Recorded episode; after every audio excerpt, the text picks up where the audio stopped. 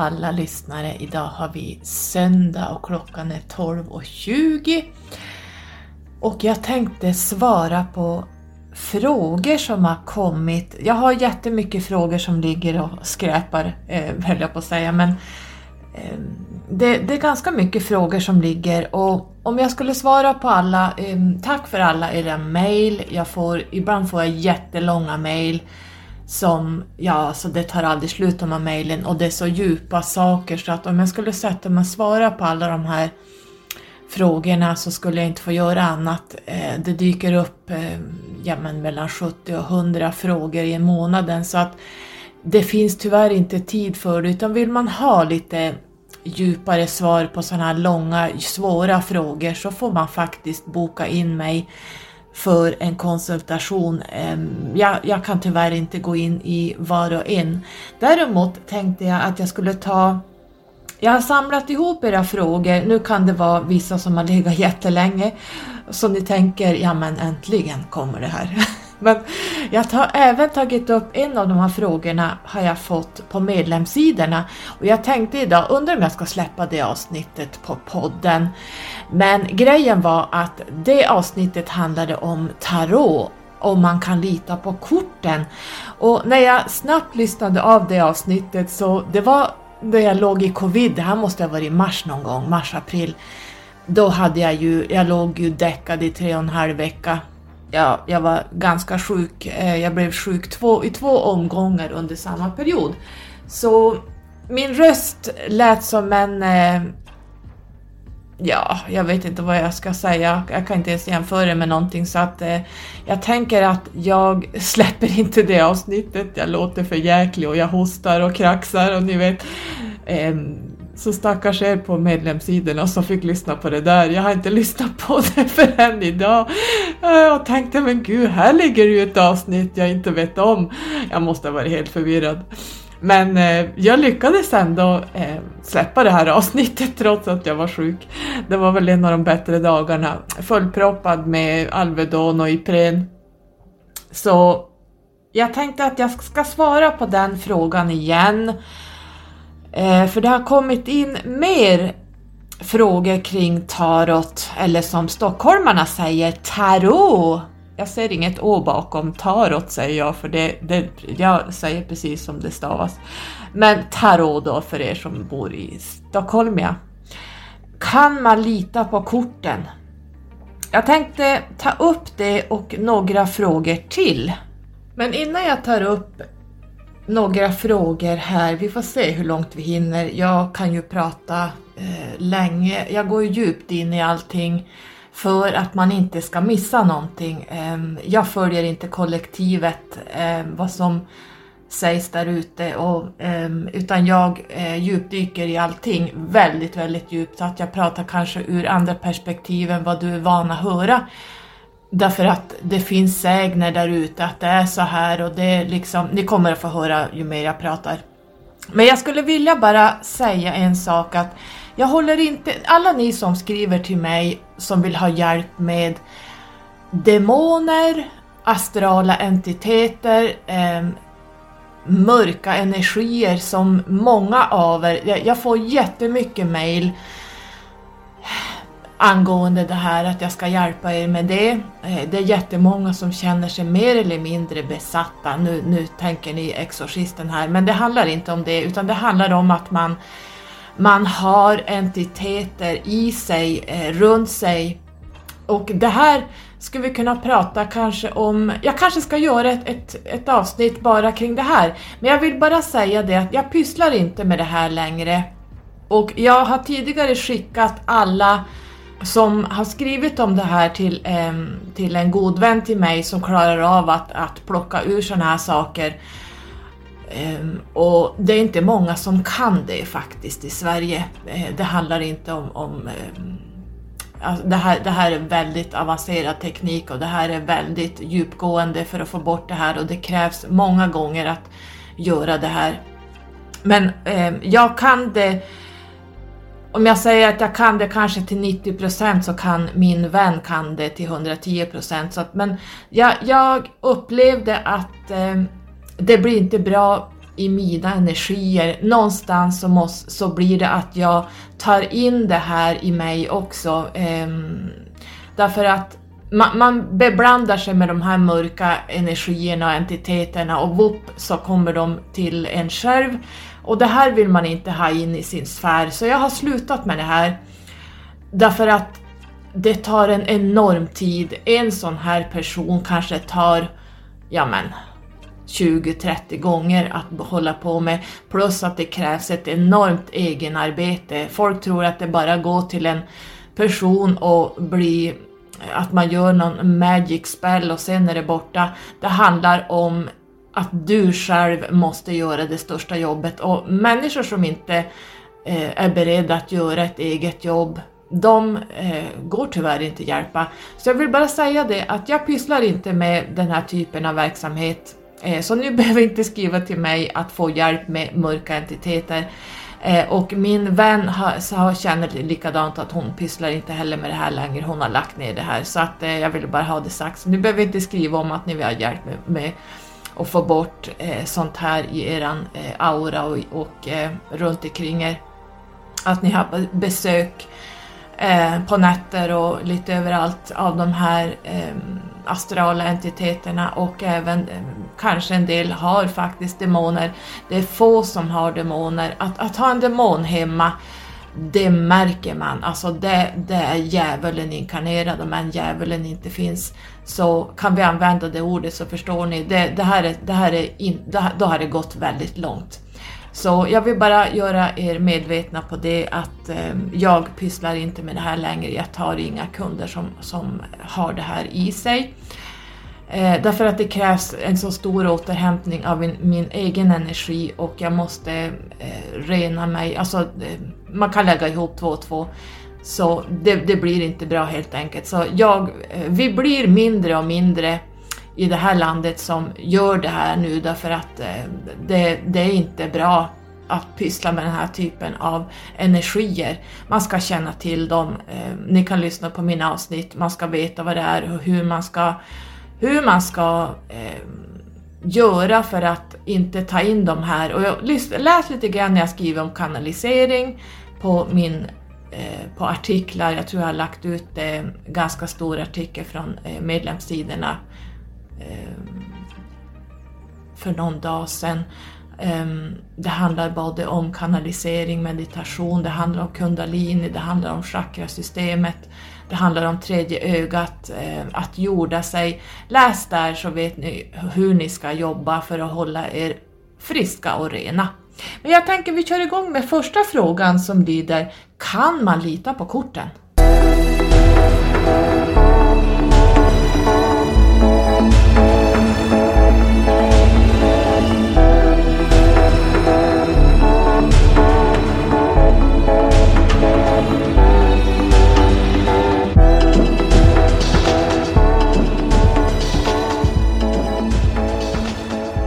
Ja, kan man lita på korten som kommer upp? Det är många som har frågat om det här och jag svarar därmed ja.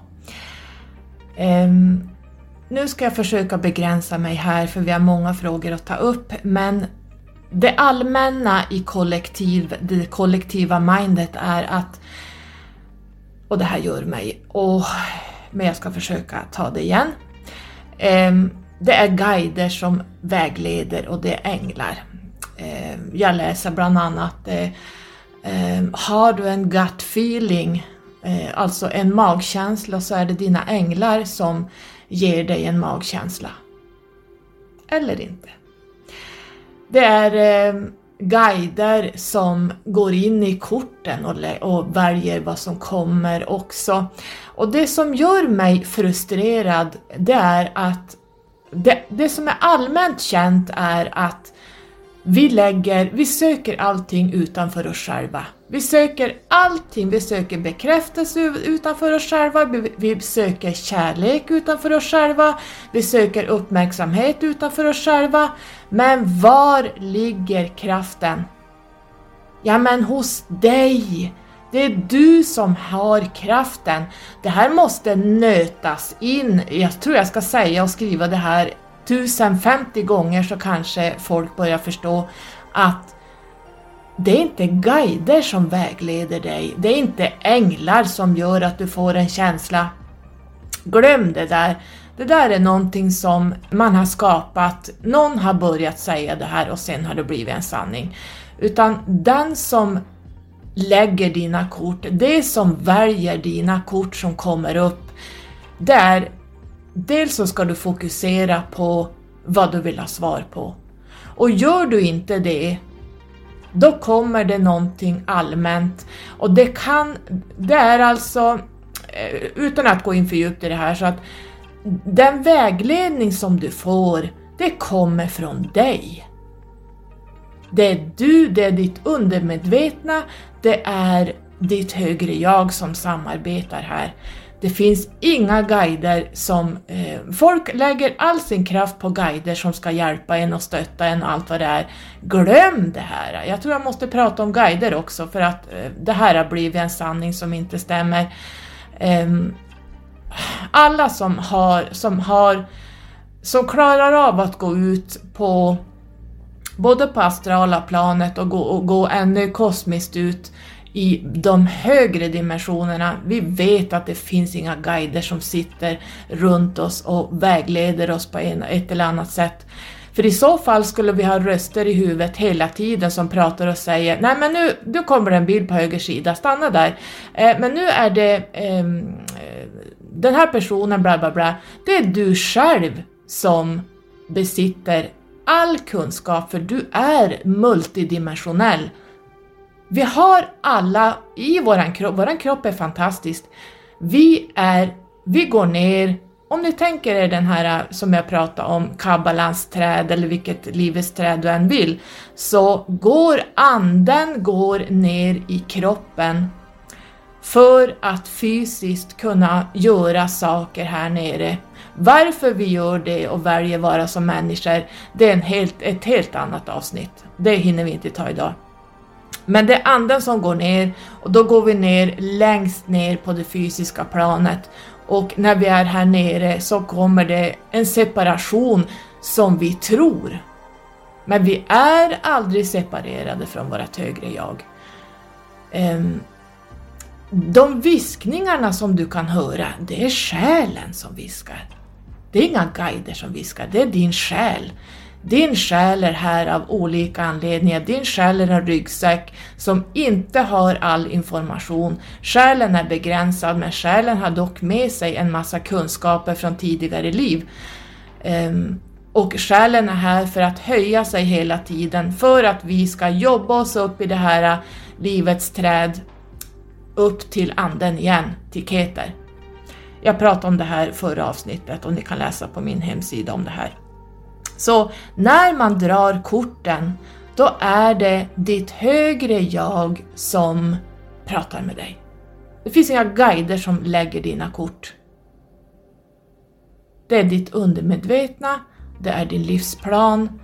Det finns redan en färdig livsplan när du gick ner och det är den, den, den numerologiska eh, själskontraktet som du har och den strävar din själ och ditt högre jag strävar efter att du ska följa den här planen eh, ganska exakt. Sen har vi naturligtvis fri vilja. Vi kan skita i att gå efter det här eh, själskontraktet men då kommer vi att stöta på väldigt mycket svårigheter, väldigt mycket patrull under livet.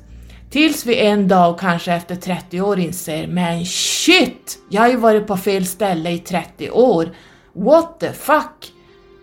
Och sen börjar man liksom lyssna inåt. Och är det dina guider som pratar och när du lyssnar inåt? Nej, det är ditt högre jag och det är din själ. Så att när du lägger kort så är det absolut rätt det som kommer um, Ställer du specifika frågor, då får du specifika svar. Sitter du lite sådär, och tänker på annat medan du blandar och så, just det, vad var jag skulle fråga och så blir det lite huller om buller. Då får du ett allmänt svar som du kanske inte förstår, men det kan vara det undermedvetna som vill visa dig någonting annat. Så svaren är alltid korrekta när det gäller tarot. Och orakelkorten, de är mera spot on. De visar lite mer eh, beror på vilken eh, orakellek man har, men det, det är lite mer spot on svar. Tarotkorten är mer djupgående och jag läser tarotkorten numerologiskt, eh, energimässigt. Eh, man kan se till exempel ehm, det, det, första kortet, nollan, minns du att jag pratade om Cosmic Egg? Eh, nollan, eh, narren, är the Cosmic Egg. Narren innehåller allt och 22 innehåller allt. 0 och 22 är alfa och omega. Så här kan man eh, börja lära sig ganska mycket. Så eh, för att svara allmänt, nu är jag ute på djupvatten igen, men eh, tarot kan man lita på korten? Ja! Och gör man vägledningar för andra så ska ni veta det att det blir inte hundraprocentigt korrekt som när man läser av eh, numerologiskt. Numerologiskt är statiskt, det är, det är energier som är rena och som ger en viss energi, vissa händelser. Så när man lägger för andra, då är det dina energier, ditt eh, mind som är inne i korten och rör. Därför att du vägleder ur ditt perspektiv, hur du ser på saker och ting, hur du ser den här personen, vad du får in för energier som blandar sig med ditt eh, med ditt mind, med, med hur du ser på saker och ting från dina egna erfarenheter. Så att när man vägleder andra så blir det inte 100% rätt utan eh, det, då tar man till eh, hård, hårdhandskarna här och då kör man numerologiskt, då blir det aldrig fel. Det kan aldrig bli fel med numerologin. Den är så exakt så det, det går inte ens säga hur exakt den är. Eh, numerologin återfinns i allting. Så vill man ha korrekta läsningar för sin, hela sin själs, eh, själskontraktet, då är det numerologiskt själskontrakt man ska eh, ha och den räcker hela livet ut. Men eh, till exempel om man ska göra en års, eh, årsläggning i tarot, det stämmer inte till 100%. Men när du lägger till exempel astrologiskt, då ser man vad kommer det att komma in för energier under året? Hur kommer du blir drabbad av de här energierna och planeterna som kommer in, eh, då kan man liksom kolla av det eh, beroende på vilken astrologisk karta du har. Det blir ganska exakt, men vill man ha ännu mer exakt så ska man ta numerologiskt eh, hela sitt personliga år. Här ser man exakt vad som kommer att hända eh, just det personliga året och jag får väldigt bra feedback på det att det, det stämmer väldigt bra. Så vill man ha exakt, exakt, exakt, då är det numerologiskt man ska pyssla med.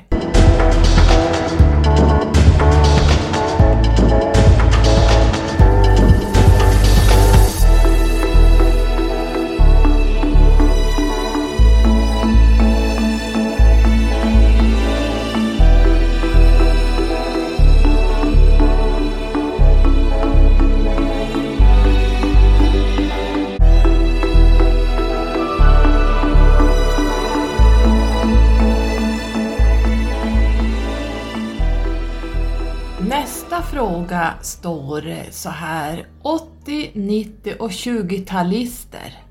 Jag tror 20-talister tror jag inte du menar 20-talister utan jag tror att du tänker 2000-tals, eh, de som är födda efter 2000. I och med att du har skrivit 80, 90, 20, jag tror du menar 2000, jag vet inte hur man säger 20-talets talister. Hur säger man? Eh, men jag tror du menar 80, 90 och 2000-talets eh, barn som är födda då. Eh, hur är de? Ja, det jag ser rent allmänt är att 80, 90 och 2000 är väldigt sköra själar. De är inte så starka. Det, det, är väldigt mycket destruktivt i de här barnen som jag ser det. Jag ser dem ju som barn i och med att jag själv är 60-talist. Pratar om eh, kanske mera generationer. Så ska vi dra de här bara för att kolla att det stämmer numerologiskt också. Men när man, när man ser eh, till exempel 80-talister, de kan inte vänta på sin tur. Och åttan är ju ett karmiskt tal, så alla, alla 80-talister bär ju på någon form av karma från oss eh, andra generationer, vad vi har skapat åt er. Så man kan säga då att 80-talisterna är ganska dominerande, de ska fram. Utan de, här är jag, de tar inte vilka jobb som helst därför att de anser sig ha mer kunskap än en som har jobbat i 30 år. De ska fram, de ska ha högsta lönen när de kommer in, de vet vad de vill, de är pragmatiska och de har även ett knapphetstänkande. De kan vara lite skrämmande, ytliga och manipulativa. Det här, det här är 80-talister, eh, generationen. Nu pratar jag inte om specifika individer för man kan ha ett, ett annat, eh, ett själskontrakt som är helt annorlunda. Men jag pratar om allmänt om generationen 80-talister och det är att det, det, det är, de är väldigt eh, eh, de, de är verkligen eh, åttan inkarnerad, de är väldigt pragmatiska, de ska fram först, de ska ha allt utan att behöva anstränga sig, eh, ytliga, ja, det, det är ett, det hela 80-talet är karmiskt kan man säga. 90-talisterna då, jag har ju en 90-talist, jag har ju en 96 eh, själv, eh, min son. Han kan ju också, han, han är ju generationen 90-talister där man då tittar på nian till exempel, där humanisterna, humanisterna bryr sig om planetens väl och ve, de strider för eh, klimatet, de strider för, eh, ja men väldigt mycket humant. De är aktivister, de, eh, de är humanister helt enkelt hela 90-talet, men de kan också vara lite sköra, eh, de är inte så starka när det kommer till kritan, utan 90-talisterna är, man kan säga det är humanisterna som bryr sig om planeten och som bryr sig om eh, det stora hela eh, som är väl och ve för, mänskligheten, för barnen, för kvinnorna, kvinnofrid. De strider, de strider alltid för någonting för att de är humanister. 2000-talets ungdomar, de har ju en generation där man går tillbaks till tvåan. De här är fredsmäklare, de lägger... Eh, de sätter de måste lära sig att sätta värde på sig själva genom att sätta sig själva främst. De har en svaghet i att de eh, inte tror på sig själva. Det kan vara de här som håller på med att ja, men jag letar utanför mig själv för att få ett självvärde. Man tror att ja, men guiderna hjälper mig eller de, de och de hjälper mig. Man söker lite mer utanför sig själv. De förstår inte att de besitter den här personliga kraften de är ganska osäkra, de kan vara väldigt obeslutsamma, överkänsliga. Eh, 2000-talets eh, ungdomar är väldigt överkänsliga, så där har vi 2000-talets generation. Backar vi till 40-talisterna det här är ju det, det, det är 40-talisterna som har byggt Sverige. Min mamma och min pappa är 40-talister, morsan var en 43 De har byggt upp Sverige och det, stämmer ganska bra med fyran. Fyran är den, en enorm byggare, struktur eh, och bygga, eh, vara ledare, det, det står fyran för bland annat. Och här ser vi 40-talisterna, om man har en 40-talist som kommer in på akuten de kommer inte i onödan. Om man tittar på de här yngre eh, 80 och 90 och 2000-talets eh, patienter. Så 40-talisterna kommer först när de har huvudet under armen. När en 40-talist kommer in, då är det allvar. Därför att de, de söker inte i onödan. De är otroligt starka. De har en sån power så det, det kan inte föreställa er. Eh, fyran är, ja det är power, power, power. Det, det är liksom Eh, byggarna av hela Sverige. Och de klagar inte i onödan. Så när 40-talister är eh, sjuka eller har någonting som de blir försvagade i, då har det gått väldigt lång tid. De kommer inte i onödan. 50-talisterna tar jag snabbt, det är ju frihetsälskare, äventyrare. De var ju eh, goda kommunikatörer, de var väldigt anpassningsbara. Eh, företagsamma, karismatiska. Eh, dock lite ofokuserade, ombytliga, intoleranta, beroendebenägna, men det är 50-talisterna. 60-talisterna, då hamnar vi på min generation. Flower power. Flower power, kärlek, allting var kärlek och flum flum. Det stämmer bra med sexan. Sexan står för kärlek, familj, visioner. Flower power hade ju eh, en vision om att skapa fred i världen, ni vet den här ehm, symbolen av fred, frihetssymbolen kom ju från, eh, de, de, jag vet inte om de kom från 60-talisterna, men de körde hårt med den i alla fall. Så 60-talisterna var mycket flower power och det stämmer också med 60-talister och 60, eller 6-generationen. 70-talisterna är de är väldigt reflekterande och de söker sanningen i allting. De har en enorm längtan efter kunskap, visdom och förståelse. Här, 70-talisterna ville upptäcka sin andliga sanning. De var väldigt, eller är väldigt intellektuella, de är väldigt tekniska, de är väldigt undersökande, väldigt intuitiva och framförallt analytiska.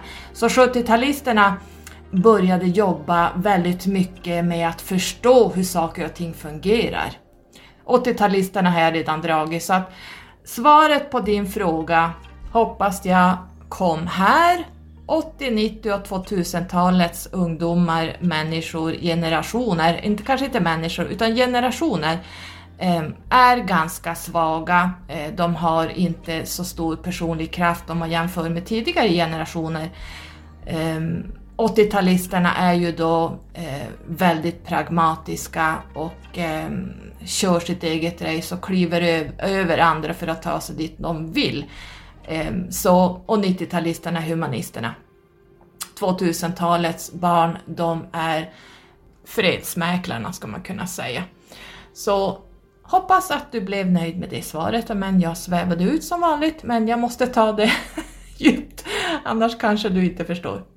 Vi kör nästa fråga.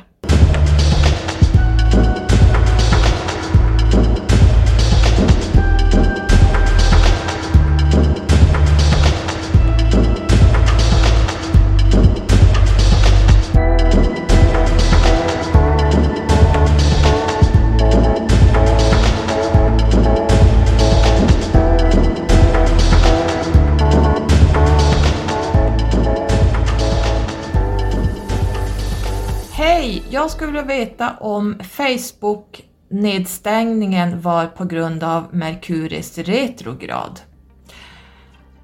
Jag skulle vilja säga nej, det berodde inte på Merkurius retrograd, men vad vet jag. Men jag tror inte det eftersom under hela det här året har Coop eh, förlorat all kommunikation med sitt betalsystem Shell som jag har eh, 30 meter bort, var, deras kassa var nedstängd i två veckor. ICA har blivit drabbad med nedstängningar eh, hela året. Eh, Swebank har legat nere och alla banker tror jag av och till har legat nere. Swish har legat nere under året så jag tror inte det här handlar om Merkurius retrograd. Där det, där, det som det däremot handlar om, jag tror även Instagram har varit nedstängt, Eh, Eh, av och till under året. Eh, det här beror på the deep state. Jag har fått läst om en whistleblower som har varnat om att det kommer att komma en nedstängning. Man testar lite grann vad som... Eh, man, man testar eller egentligen så testar man inte så mycket. Man testar på ett sätt, men det, det, man gör när man stängde ner hela Facebook och när man stänger ner saker och ting, det handlar inte om cyberattacker, det handlar inte om Merkurius retrograd. Utan det handlar om att göra om algoritmer, det handlar om att eh, styra om de här jättarna, Google och allting blir större och större, det handlar om deep state som vill styra dig åt ett visst håll. Ehm, det handlar om att begränsa mänskligheten, det handlar om att man gör om saker eh, i bakgrunden, ehm, man censurerar, man, man, lägger till så mycket algoritmer så att eh, saker och ting får inte ens komma ut. Sanningen av vad som pågår i världen får inte komma ut. Man begränsar och man begränsar och man lägger till mer och mer algoritmer om du lägger ut vad som helst om du bara skriver 19 så kommer det upp en, en skylt eh, Covid-19 kontakta faktagranskning. Vad är det för faktagranskare som sitter där egentligen?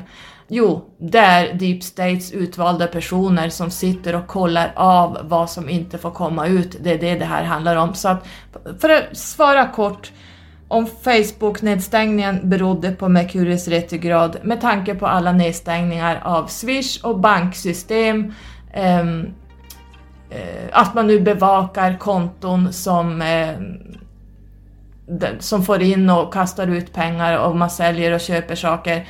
Eh, och kan du inte bevisa det så får man avstängda konton eh, och det här handlar om att banken ska ha en full kontroll på vad du gör och inte gör. Och vi är, på vi är redan där. Det här, jag vet inte hur vi ska eh, ta oss ur det här. Eh, jag vet inte om man ska skaffa banker eh, utanför Sverige. Eh, det här får vi fundera på hur vi ska göra. Men det är väldigt allvarligt det som pågår. Så om du frågar mig, vilket du nu har gjort, så Facebook-nedstängningen berodde inte på Merkurius retrograd, nej. I avsnittet där jag pratar om transhuman, eh, där man vill chippa människor och få så artificiella som möjligt. Vaccinerna är helt artificiella och nu så såg ni det på, jag la upp en, en eh, eh, på Insta-stories en artikel från Aftonbladet där man visar att nu kan du få ditt vaccinationspass i ett chip och så visar de en spruta där man sprutar in ett chip under handleden. Vi är redan där. Så där fick vi det bekräftat också att det pågår redan nu. Och det här äh, vaccinationschippet äh, och äh, vaccinationskortet handlar inte om vaccinerna som sådana eftersom de här vaccinerna Eh, inte skyddar mot covid. Det vi vet idag, jag som jobbar där jag jobbar, vet att de som är fullvaccinerade, som har två sprutor, de eh, insjuknar i covid, precis som de som inte har sprutor, så det skyddar inte. Sen så muterar det här eh, viruset om det nu är ett virus, det, finns, det är inte isolerat ännu så egentligen så är det inget virus. Vad, det, vad är det man har släppt ut egentligen? Um, så det finns, det, det här vaccinationspasset skyddar inte dig eh, för att, eh, om man säger, eh, det skyddar inte dig mot, eh, an, när, när det muterar så att säga, den här deltavarianten skyddar ju inte eh, mot två sprutor för det, det var ju en annan stam. Så de som har två sprutor kommer att få deltavarianten, vilket jag ser nu på löpande band så det här skyddar inte, så varför vill man ha vaccinationspass? Jo, det här handlar om en större agenda för att begränsa människor, det är en ny apartheid. Därför att det här vaccinationspasset innebär eh, att det blir en total övervakning av dig. Som jag lyssnar på det avsnittet med Transhuman så ser du eh, lite grann mer vad, vad det är som pågår. Så vaccinationspass, jag är jätteglad att jag inte har tagit sprutan, jag kommer aldrig over my dead body och stoppa in något artificiellt i min kropp. För jobbar man holistiskt Jobbar man holistiskt, andligt eh, och kanske med reiki, då tar man inte den här sprutan därför att det här är inte kroppseget, det här är artificiellt som man stoppar in i kroppen. Och vad innehåller sprutan? Oh my god, om ni bara visste. Jag har videos på vad det innehåller, jag har sett människor som dör som flugor, jag har sett människor som får sådana biverkningar som de är förstörda för livet. Men det här ser man inte på sociala medier, det kommer inte ens ut i på Läkemedelsverket och alla de här Folkhälsomyndigheten, biverkningar från vaccinet, det bromsas för det här får inte komma fram.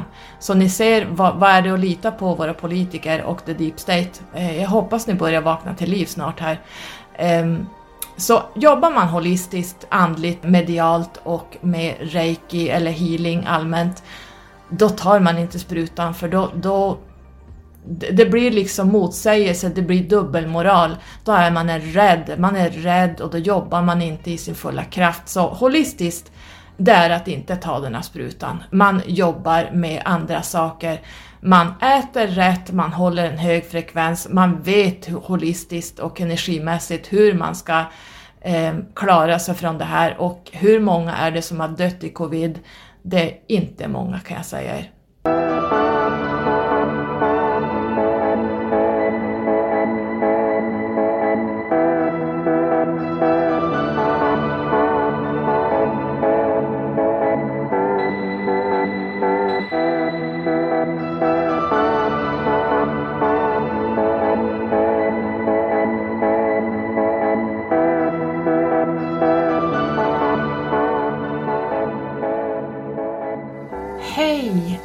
Jag älskade avsnittet du gjorde kring 1111 och ettan som jag då förstår är A. Jag skulle vilja veta lite mer eftersom jag heter Anna, om du kan berätta något mer om det. Absolut kan jag göra det. Jag har själv A i mitt... Eh, många, en del har inte andra namn, men en del har det. det beror på vilken eh, generation man är född i. Men eh, jag heter ju Anne Carola. Så A, jag har ju A som min egentligen första eftersom eh, Anne står före Carola, så då har jag ett A. Eh, och A är den första bokstaven som är designad av Gudkällan. Jag tror jag sa det här i det avsnittet. Och där ljudet är nödvändigt för att ja, men andas ut de övriga bokstäverna. Har ni funderat på varför A är den första bokstaven i alla alfabet? Det finns en, en orsak till varför alla bokstäver ser ut som de gör. Det kommer från ljudet. Och eh, A är Alep, det är det absolut första som bereder väg för övriga bokstäver. Bokstäver och siffror är precis samma sak kan man säga. Därför att A är Guds eller källans andning. Elementet är ju luft som jag sa i det avsnittet och det kallas också för eh, modersbokstaven eftersom A är Alfa betyder egentligen oxhuvud och det är ju en astrologisk symbol för oxen som visar på en fysisk reproduktion. Därför att oxen är samma form som våran uterus, alltså livmodern. Eh, hornen är ovarierna, vad heter det på svenska? Ovarier? Eh, äggledare. A, alep. Alfa är ju livets andning i varje människa. Och ni vet Adam i Bibeln, som då visas som den första människan, är en metafor för just Alep och A. Det finns en anledning varför han heter Adam.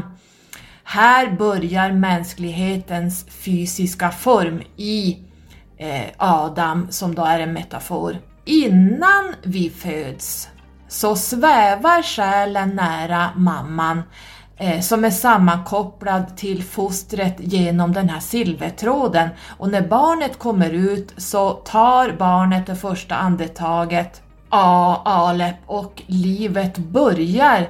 Så därför är ju tiden så viktig till exempel för astrologer, de vill veta din födelsetid. Eh, annars kan man inte se egentligen hela sin astrologkarta. Alep, som då är luftandningen, finns runt omkring oss överallt. Eh, därför att livet kan inte existera utan luft Alep. Alep A betyder först, den första alfa. Och formen A representerar glyfen den kreativa principen, om du tänker dig en triangel, för vilja, visdom, aktivitet. Ehm, de tre, tre översta till exempel i ehm, Kabbalans träd, eh, The Divine Triangle, allting betyder det här, eh, det, det, det är liksom det översta som, som den här uppåtgående triangeln symboliserar, vilja, visdom och aktivitet. Det är det högsta. Som A ska man lära sig självkontroll. Man ska lära sig balansen mellan den andliga sfären och den jordliga fysiska sfären som vi finns i nu. Kom ihåg att vi är allting. Vi är både en andlig och vi är en fysisk människa. Och det här strecket mellan de här, det här A är dimensioner av samma människa kan man säga. Så en A-person måste ha balans mellan den fysiska individen och den andliga individen. Och här finns det A-människor som bara hamnar på den fysiska sidan, den lägre sidan av A. Och det finns de som bara är uppe i den andliga sidan av dig. Och det är inte heller bra, utan ett A måste alltid hålla balans mitt mellan, det är därför det finns ett streck i mitten. Och det betyder att A har gått ner med sin andliga, sitt andliga jag i en fysisk kropp. Och man är inte något, egentligen är man andlig, men här nere är vi både och. Så där ska man tänka speciellt när man är en A-människa. Många förstår ju inte att det är, det är inte en separation, utan det är en balans mellan de här två sfärerna. Och här kommer du in att man letar allting utanför sig själva, man söker hjälp från guider, man söker hjälp från änglar som då är eh, Anunnaki. Det är inte alltid så bra att prata med Anunnaki. Det, det, jag har pratat om Anunnaki tidigare och man ska passa sig för det. Um, däremot ska man lyssna helt till sitt multidimensionella jag, du ska lyssna på ditt högre jag. Alep, eh, alla har Alep i sig, men speciellt A-människor ska verkligen börja balansera det här eh, strecket i mitten, att man inte håller sig på den nedre delen utan, och inte bara den övre, utan en balans mellan båda två.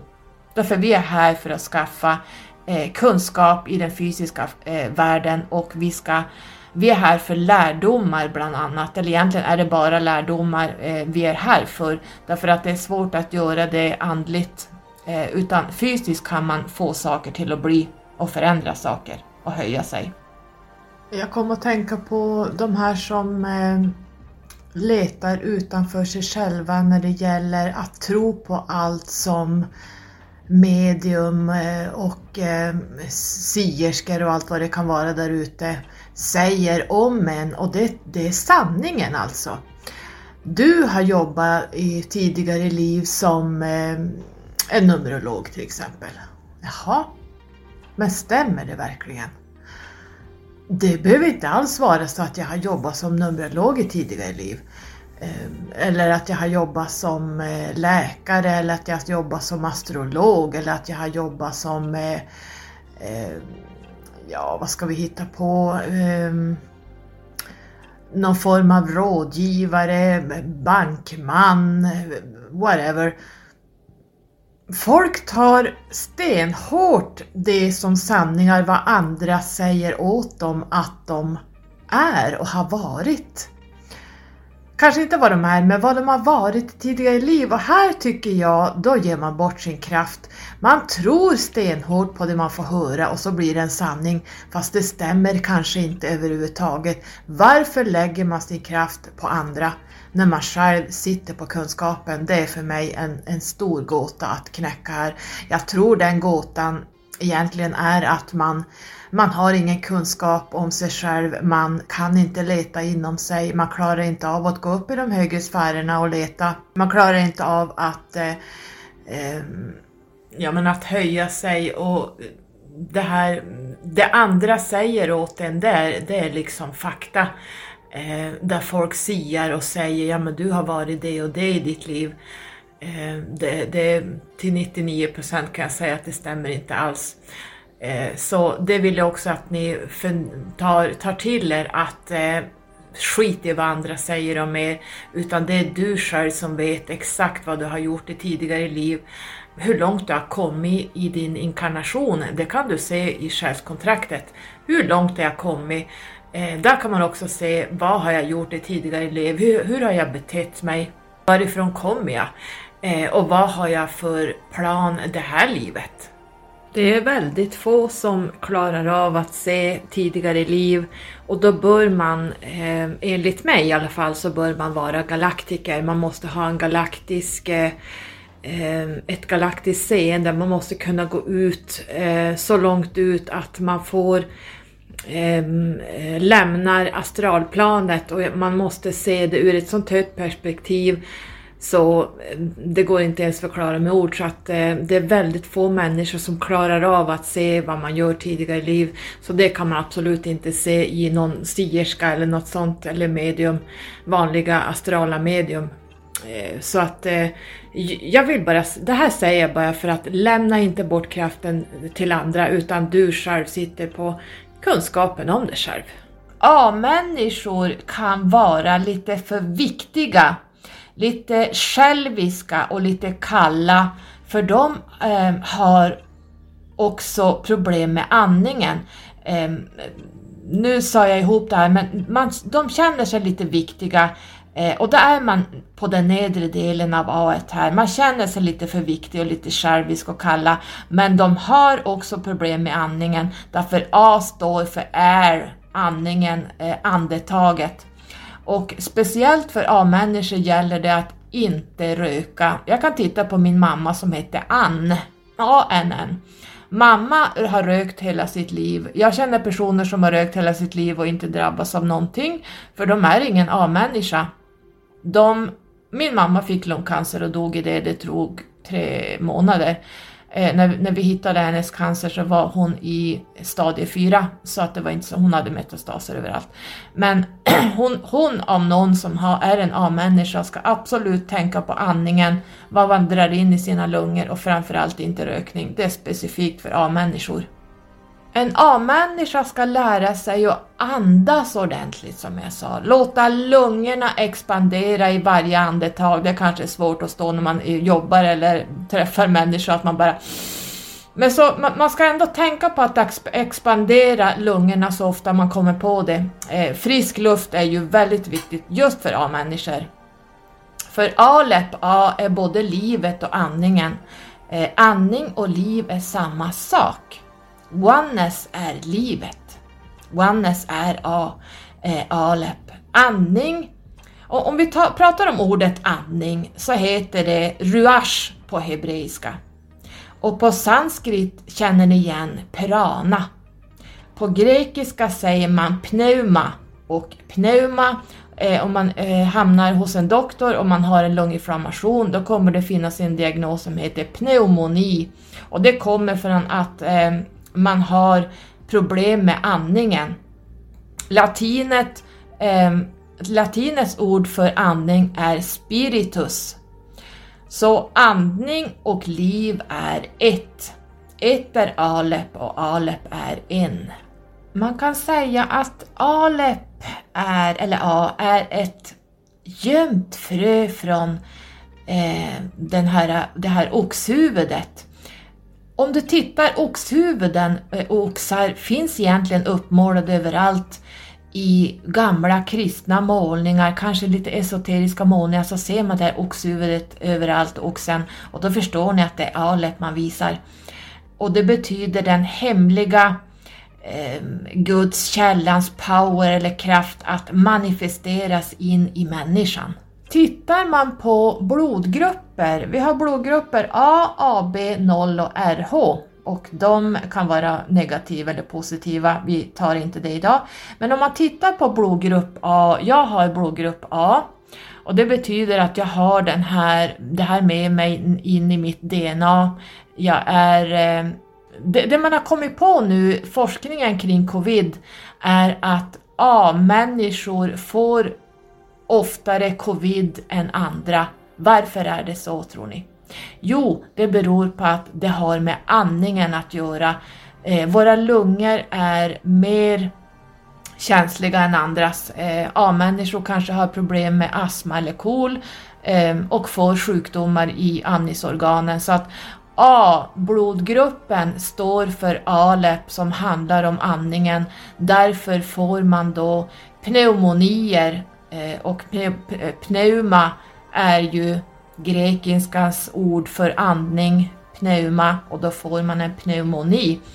Ehm, så jag tror att ni börjar förstå lite grann om A1 och ehm, eh, att A1 är den första som andas ut livet.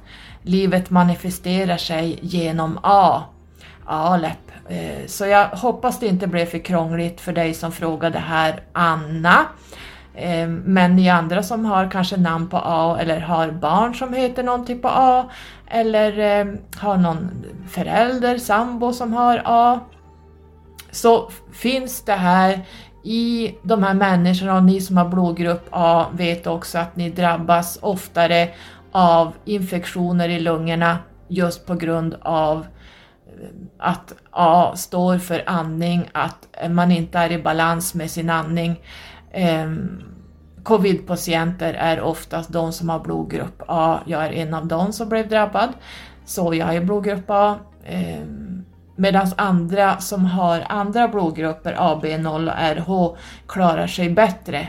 Ehm, de har andra saker men jag hinner inte ta det idag. Men eh, det är lite spännande här med A, eh, ALEP, eh, alfa och omega. Ehm, jag skulle kunna prata jättelänge om det här, det blev ett långt svar på din fråga, men eh, det blev kanske lite del två av förra avsnittet när jag pratade om ettan, A och 1111. Så hoppas att du blir nöjd med svaret. Om vi jämför eh, oxhuvudet, eh, modersbokstaven A. Oxhuvudet ser ut som uterus med eh, ovarier. Eh, jag kan bara latin, jag jobbar ju. Eh, livmodern och äggledarna. Har ni tänkt på vad det ser ut som? Det ser ut som the devil's ramhead djävulens ramhuvud. Många satanister rop, äh, eh, ropar sig, äh, eh, många satanister ritar upp äh, djävulshuvudet som en uterus med två äh, ovarier som horn.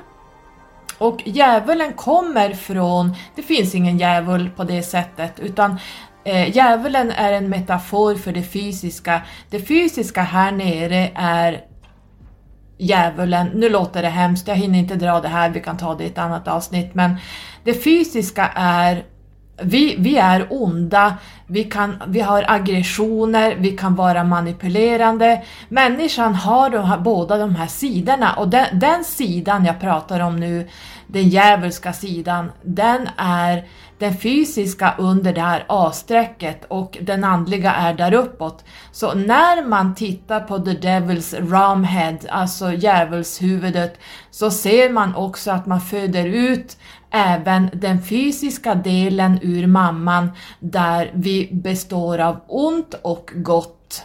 Varje människa har det här i sig eh, och det gäller då att vara i balans eh, och det är det eh, Bibeln, kristendomen står för. Ont och gott, himmel och helvete. Två polariteter som hela tiden slåss mot varandra och här gäller att ha en balans så att inte det här djävulshuvudet, det finns ingen djävul, men jag försöker bara få en metafor så att ni förstår vad jag menar. Det här fysiska kan vara väldigt destruktivt om man är på fel sida av det här A. -et.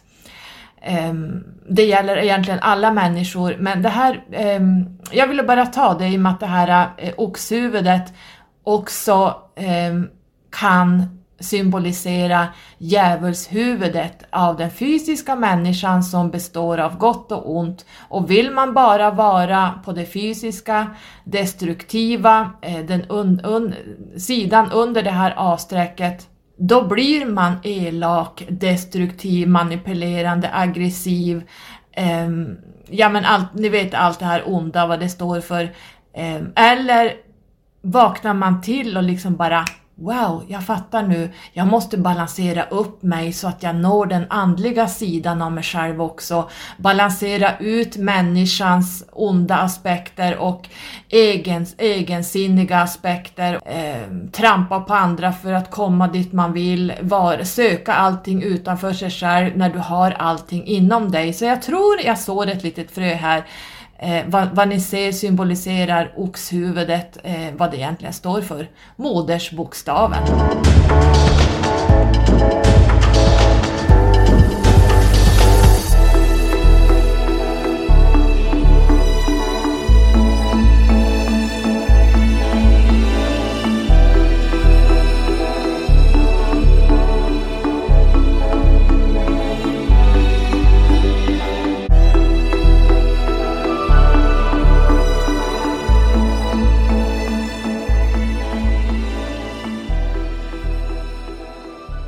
Sen vill jag flagga lite grann om eh, 2020.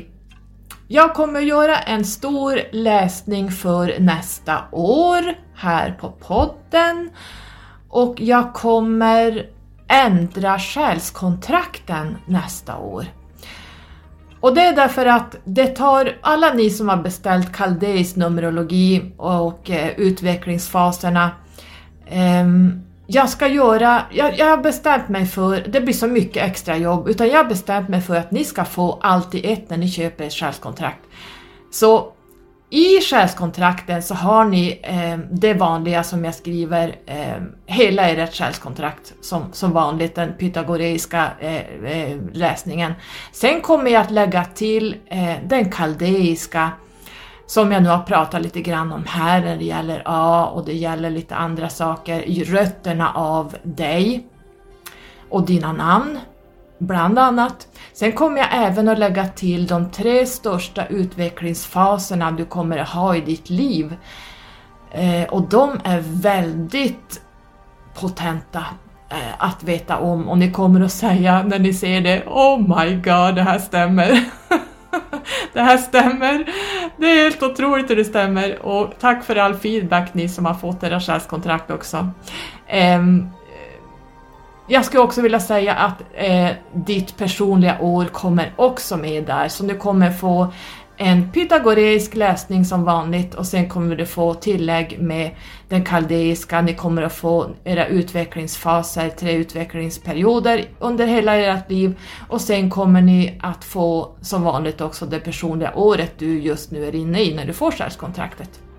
Men Um, det här blir inte förrän nästa år och det kan hända att um, tidigare har jag plus minus 14 dagar på mig att skriva de här själskontrakten för att det kan ju, tänk dig att sitta och skriva plus 42 sidor, det är inte gjort på en kvart.